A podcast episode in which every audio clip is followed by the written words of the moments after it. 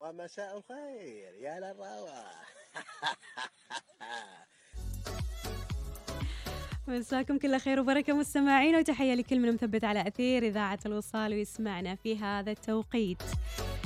يا لكم يوم من الأيام كذا كليتوا سكريات وحسيتوا بالصداع. شوفوا هذا الشعور دائما أحس فيه أحس فيه آه لما أكثر من الحلويات آه كذا أحس إني آه مصدعة. ليش؟ خلونا نعرف السبب معاكم مستمعينا. يقولكم الصداع أحد الأعراض المزعجة اللي تحدث نتيجة عدد من المشكلات الصحية ويمكن للتغييرات السريعة في مستويات الجلوكوز في الدم نتيجة تناول الكثير من السكر أو القليل منه أن تسبب الصداع في بعض الأحيان. طيب ليش يمكن للسكر أن يصيبك بالصداع؟ الصداع. آه يقولكم مستمعينا قد يصاب الشخص بصداع من التغير السريع في مستويات السكر في الدم وكل من السكر الزائد والقليل جدا يمكن أن يسبب الصداع ويمكن أن يؤدي استهلاك الكثير من السكر أو الكربوهيدرات المكررة إلى ارتفاع مستويات السكر في الدم كما يمكن أن يؤدي تناول الكربوهيدرات المنخفضة جدا إلى انخفاض مستويات السكر في الدم. يقولكم قد يؤدي انخفاض نسبة السكر في الدم إلى مجموعة من الأعراض بما في ذلك الصداع وآلام العضلات والأشخاص اللي يتناولوا الأنسولين أكثر عرضة للإصابة بانخفاض مستويات السكر في الدم.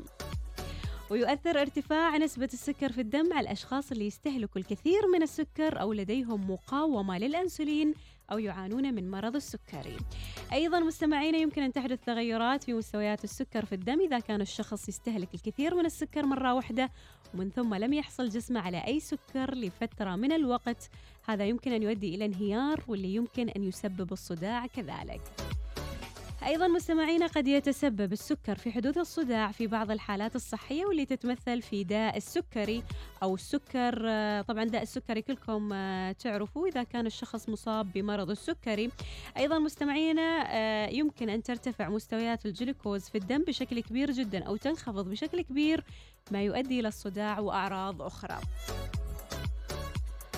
أيضا يمكن أن تؤدي أو يؤدي تناول الأطعمة السكرية إلى إنتاج الجسم للأنسولين الزائد وإفرازه هذا يؤدي إلى انخفاض مستوى السكر في الدم ويمكن أن يؤدي آه، تؤدي مستويات الجلوكوز المنخفضة إلى حدوث الصداع النصفي لدى بعض الأشخاص.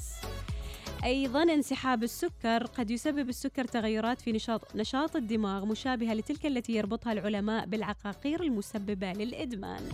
طيب كيف ممكن الواحد يقي آه، نفسه من الصداع الناتج من السكر؟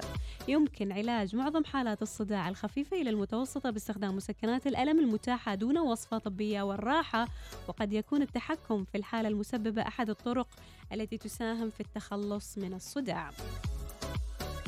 واكيد اللي يعاني من حالة صحية مثل داء السكري أو الصداع النصفي أو من يسيء استخدام السكر اتباع بعض السبل للوقاية لتفادي حدوث الصداع. وطبعا تتمثل هذه الطرق في تناول وجبات آه، منتظمة ومغذية. اختيار الكربوهيدرات المعقدة غير المصنعة مثل الفواكه والخضروات والحبوب الكاملة واتباع تعليمات آه، الطبيب للتعامل مع مرض السكري ممارسة الرياضة بانتظام وأيضا الحد من شرب المشروبات الغازية والحلويات والأطعمة الأخرى اللي تحتوي على سكر مضاف. طيب ليش تاكل سكر وأنت أصلا سكر؟ شوف هذه العبارة لازم تخليها دايما في, في بالك. لما تروح تحس عمرك تبغى تاكل سكر وأشياء وحلويات. تقول ليش آكل سكر وأنا بنفسي سكر. كذا راح تخفف من السكر. وصلت؟